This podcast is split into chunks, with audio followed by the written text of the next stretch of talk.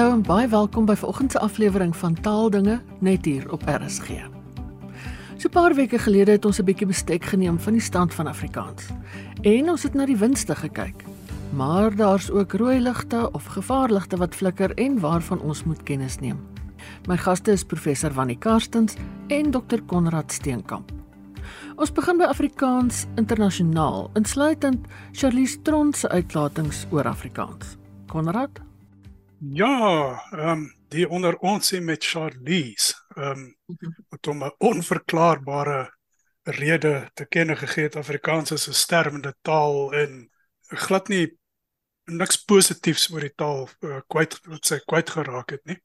Dit is nogal nogal 'n debakel wanneer 'n spreker van Afrikaans veral 'n rolmodel soos sy sulke uitlatings maak.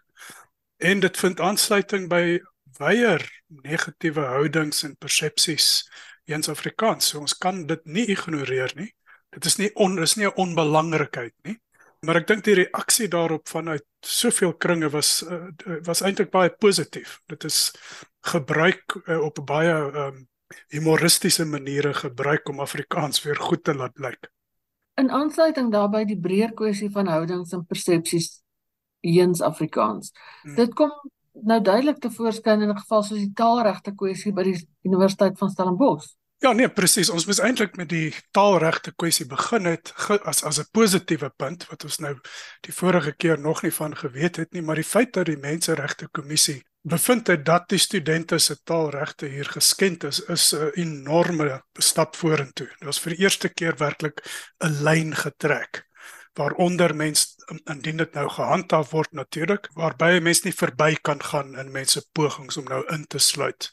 Jy mag nie uitsluit om in te sluit nie. Eintlik kom maar daarop neer.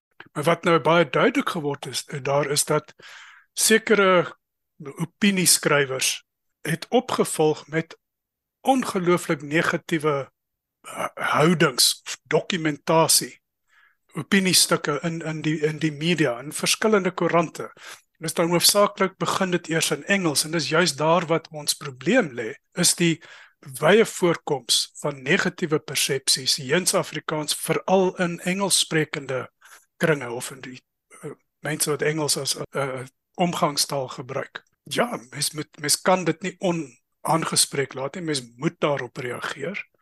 So, as enige iemand sulke berigte sien, laat maar vir ons weet en ons sal ons stukkie doen of skryf self 'n stuk en stuur dit kopieer dit ook sommer aan ons. Net miskien om aan te sluit hierby mense het so dikwels persepsies oor Afrikaans sprekende mense ook. En dan word dit gekoppel aan Afrikaans as taal. Jy weet uh voorbeeld die Ryanair ding wat vroeër in die jaar was waar daar 'n uh, Afrikaanse soort van 'n uh, etiket gegee is toe hy hy gebruik is tot mense gewys het maar jy kan nie voortgaan met hierdie etikettering. En dit is die nadeel in hierdie soort uh prosesse waar waar die rooi ligte begin flikker. Mense ja. het persepsies oor tale en die sprekers. En dit het ook 'n impak op Afrikaans. En ek dink as 'n mens kyk na die aspekte wat die groei of 'n taal van 'n taal uh raak, dan is 'n kwessie van houdings en persepsies oor die taal een van daai kommerwekkende faktore. So daar is nogal werk vir mense. Wat maak dat ander mense negatiewe persepsies oor Afrikaans het? Dit moet aandag kry. Dit moet reggestel word. Alles op die vlak van menseverhouding of in die saak van in in die kwessie van uitreik na ander mense. Maar wat maak dat mense steeds vir Afrikaans sprekendes en Afrikaans kwaad is? En dit moet vir ons as Afrikaans sprekende gemeenskap aanduiding wees dat ons nog baie werk het om te doen om seker te maak dat ons hierdie etikette laat verdwyn. Sê nou hoe lyk die taalsituasie by die Universiteit Stellenbosch en NWU en al die ander universiteite? Ja, so. nou, dit is nogal hartseer. Mense sien nou by die Universiteit van Stellenbosch het die uh, nuwe taalbeleid ingeskop en dit het 'n negatiewe effek gehad soos baie studente gerapporteer het en dit is ook wat ons maar afgelei het uit die media. Dat dit 'n duidelike meertalige beleid is maar waar daar tog 'n voorkeur gegee word aan een taal en so mate dat Afrikaans sprekendes al hoe meer uh bedreig voel en nie die vrymoedigheid neem aan alles deel te neem nie. Dit is jammer en dit sluit aan by die taalregte kwessie wat wat Konrad nou net van genoem het. Maar dit is ook moontlik dat hierdie tendens kan toeneem En uh, selfs by die NWE, die NWE is baie duidelik vir meertaligheid ingestel in die ont ontwikkeling van Afrikaans, maar as 'n mens kyk na die tendens by Stellenbosch, is dit nie onmoontlik dat die US situasie na NWE te kom oorspoel. En as ons kyk by UJ, die Universiteit van Johannesburg, is Afrikaans feitelik nie meer op die kampus nie, daar's minimale dosente. By Universiteit van Pretoria is dit uh, is dit eintlik nie meer 'n taal op die kampus nie, op koffsies en so kan jy aangaan. So dit het natuurlik 'n impak op die opleiding in Afrikaans, want Afrikaans sprekende mense wil graag in hulle moedertaal opgelei word. En dit is kommerwekkend. Iets wat ons ernstig sal moet gee. Nou wat belangrik is en dit is weer die positiewe aspek dat sekere instansies dan na vore kom en sê maar ons is bereid om daai stokkie dan oor te neem. Maar baie van die private instansies gaan steeds voor op die Engelse manier.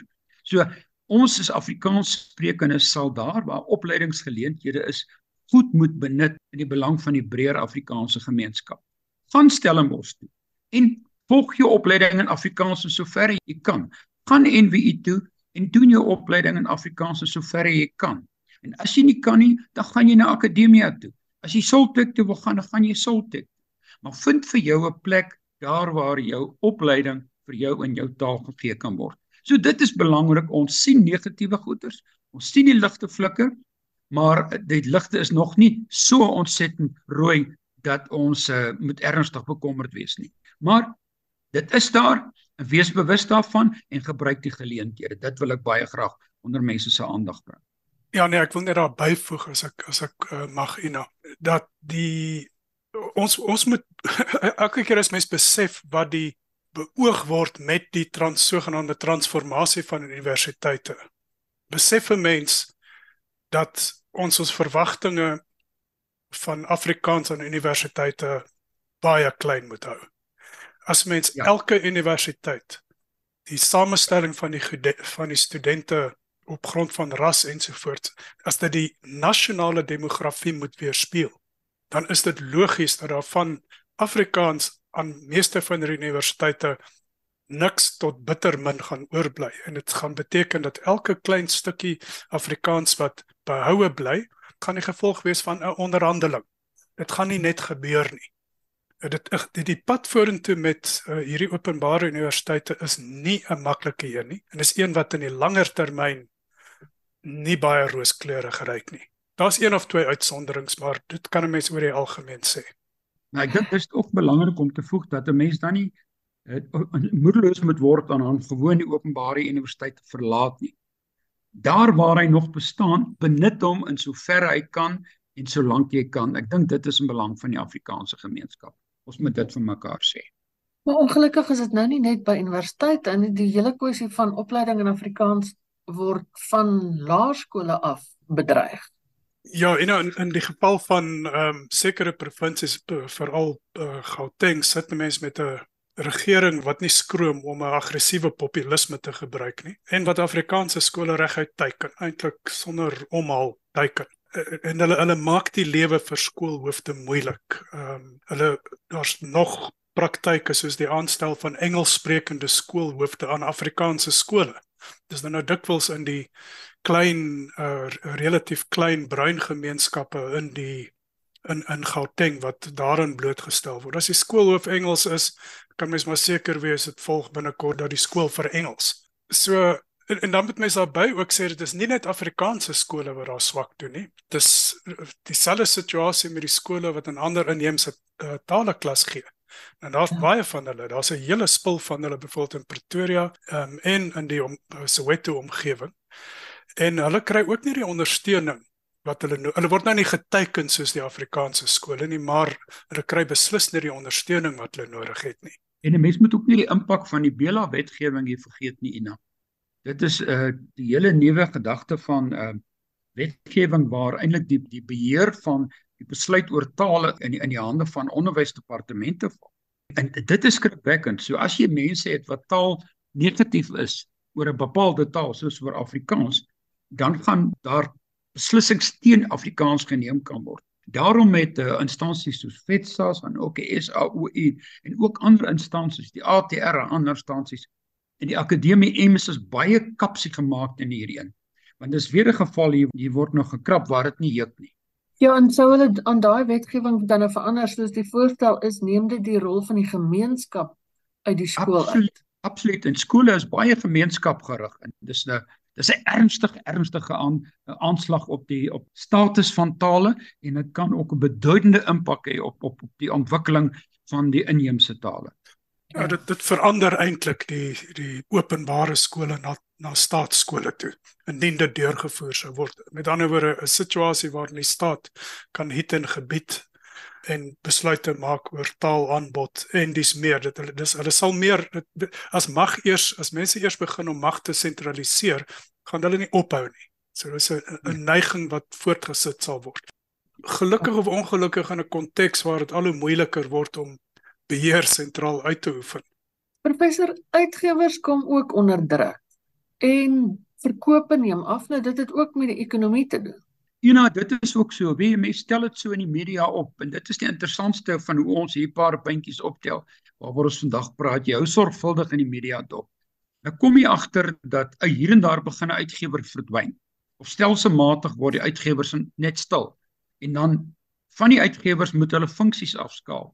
Nou vir Afrikaans is dit nogal kommerwekkend. Ek weet eh uh, Kraal Uitgewers het onlangs 'n entiteit verdwyn. Hy gaan onder 'n ander naam voort op 'n ander plek. Maar aan die ander kant Kraal Uitgewers was daar en hy het 'n spesifieke nismark bedien. Van die ander uitgewers weet ek moes inkort op hulle publikasies en dit wat hulle kan bemark. Dit het gewoon met finansies te doen en natuurlik met die ekonomiese situasie van die afgelope 2 jaar weens COVID en die krisis wat ons nou is weens die uh, oorlog in in in Oekraïne, het mense net gewoon minder geld en dan koop mense minder boeke. In die oomblik as boeke nie gekoop word nie, dan kan 'n uitgewer dit nie meer uitgee nie. So ons sit hierso met 'n baie baie moeilike situasie en ek wil eintlik vir Afrikaans sprekenders tog maar vra. As jy kan en jy koop 'n geskenk, koop 'n Afrikaanse boek. Gee dit vir jou kinders, laat jou kleinkinders dit lees, dat jou kinders Afrikaanse boeke lees, sodat ons op hierdie wyse uitgewers help om in 'n baie baie moeilike tyd kop bo water te hou. Professor, my Afrikaanse funksies neem stelselmatig op verskeie terreine af. In die onderwys, ons het nou daaroor gepraat, die regte, die taal van die staat, daar hoor mense skaars Afrikaans. Nou, dit is die bekommer, dit is maak mense weer bekommerd. Jy kyk weer na die media en jy sien dit al hoe meer dat daar gerapporteer word oor die feit dat op sekere plekke is daar minder Afrikaans. Ons hoor kortkort in die regte van iemand van in die van die koerante van iemand wat byvoorbeeld hof toe gaan Afrikaans sprekende en dan nie 'n uh, regter kry of lander ons skryf wat Afrikaans kan praat nie. Dan moet jy jouself in 'n swak Engels verdedig. Dit is skrikwekkend maar dis nie net vir Afrikaans nie dit is ook vir die Afrika tale. So dit maak 'n mens nog op bekom maar ons sien dit daai gebied. Afrikaans begin word ek, my op my ervaring is wat al hoe minder in sekere winkels gebruik. Asof mense begin oorgee op grond van die mense wat jy aanstel dat jy 'n voorkeur aanduiding gee vir vir watter taal jy wil hê.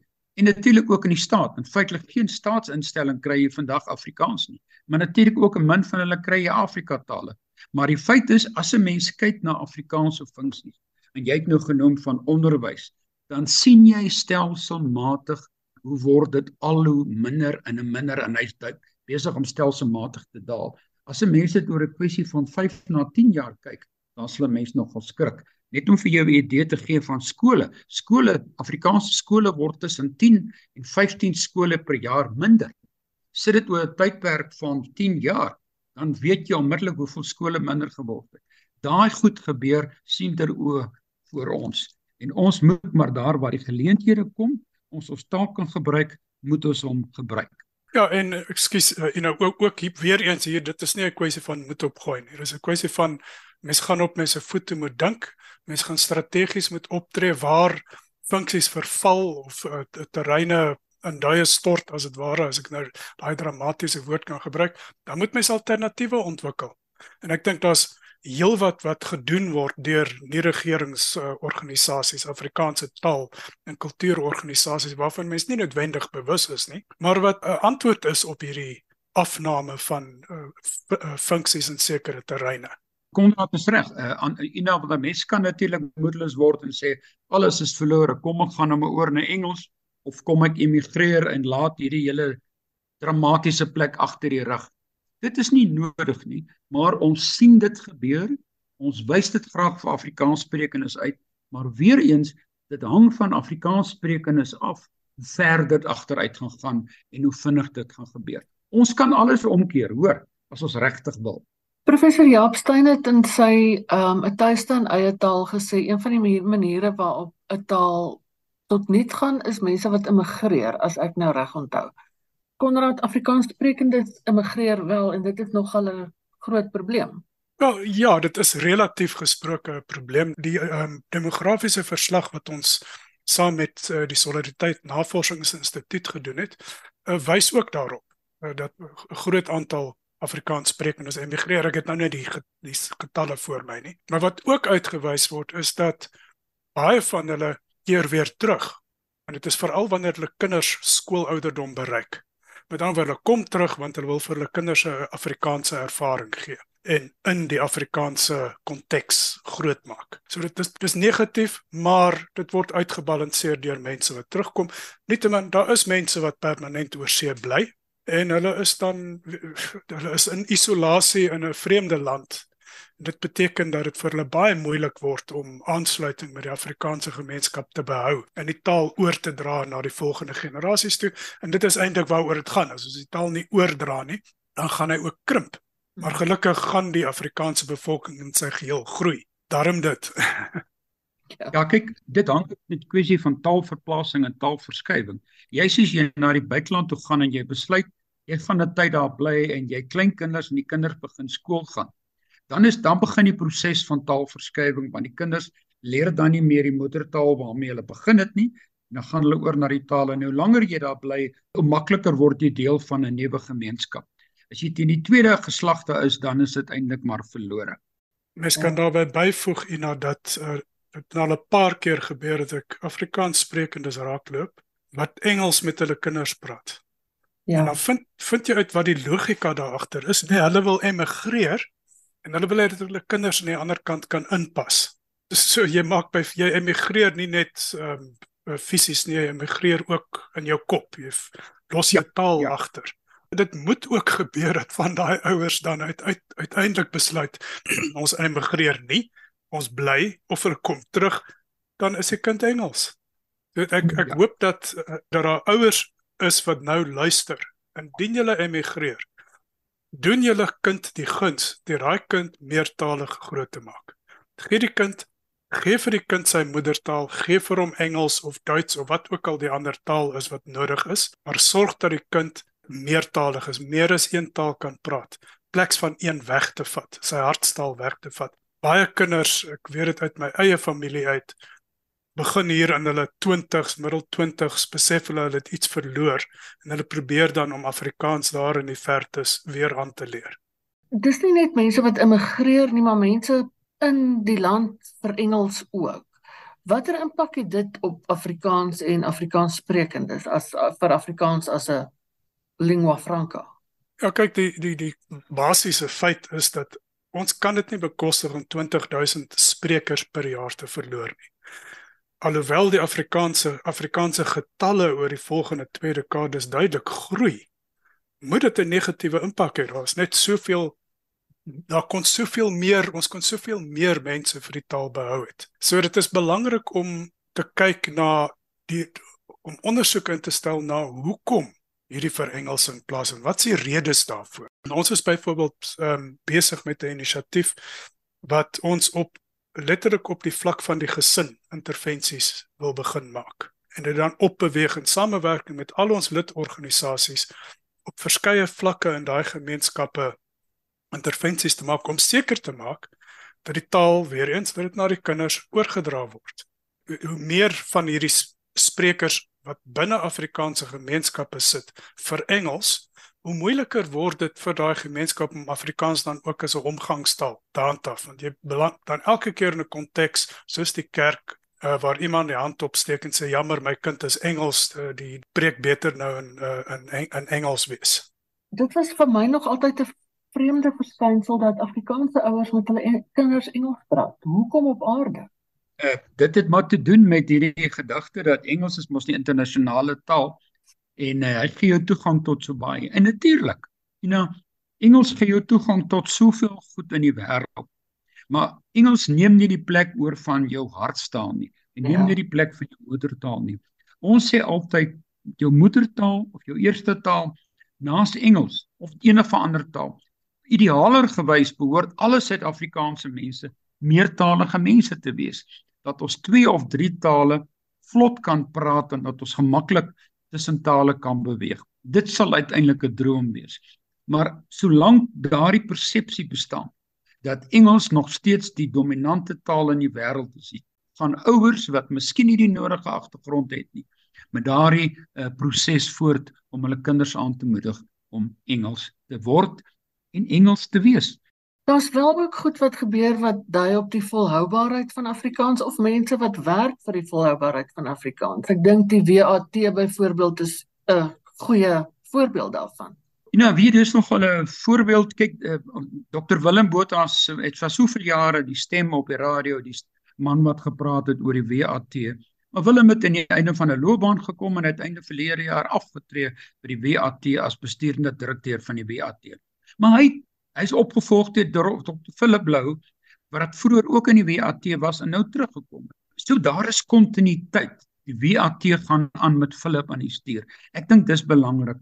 En 'n ander belangrike ding van die Woordeboek van die Afrikaanse taal van ons, hulle het 'n 10 jaar plan aanvaar om teen 2029 die volledige WAT af af te gewerk het. En, en dit is nogal fantasties. En ek sit nou op die direksie van die WAT en ek kan sê ons is nogal baie goed op koers. Dit gee mense nog wel 'n gevoel van vrede.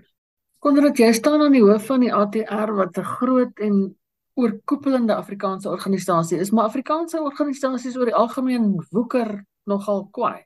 Ja nee, kyk, ons sit daar met uh, vier ten minste 34 uh, lidorganisasies en ek kan julle verseker dat elkeen van hulle van Viva ATKV uh vriende van Afrikaans, solidariteit, Afriforum en die Akademie vir Wetenskappe kuns en sommer nog 'n hele spul ander en nou nie sleg voel as ek hulle nie genoem het nie. Uh, ons ons kan hier sit en na 34 name luister nie, maar ek kan julle waarborg al daai organisasies is aan die gang. Hulle is baie effektief in wat hulle doen. Hulle hulle is koste-effektief en hulle maak 'n hulle maak werklik 'n verskil vir Afrikaans. En ek dink dit is so belangrik dat ons dit vir die Afrikaanse gemeenskap sê. Wees dankbaar vir die werk wat hierdie mense doen. Steun hierdie mense waar jy kan. Raak betrokke. Ook die mense wat kunstefeeste organiseer. Dit is 'n mate van volhoubaarheid vir Afrikaans. Ons kan nie hierdie kosbare bate op 'n manier verloor nie. Dit was die taalkundige professor Wannie Karstens en die bestuurshoof van die Afrikaanse Taalraad, Dr Konrad Steenkamp. Dis dan al vir vandag. Al die potgoeie van taaldinge en al die ander programme of die meeste ander programme is op die webwerf beskikbaar by rsg.co.za. Geniet die res van die dag in RSG se geselskap. Bly veilig, bly gesond en van my Ina Strydom groete. Tot 'n volgende keer.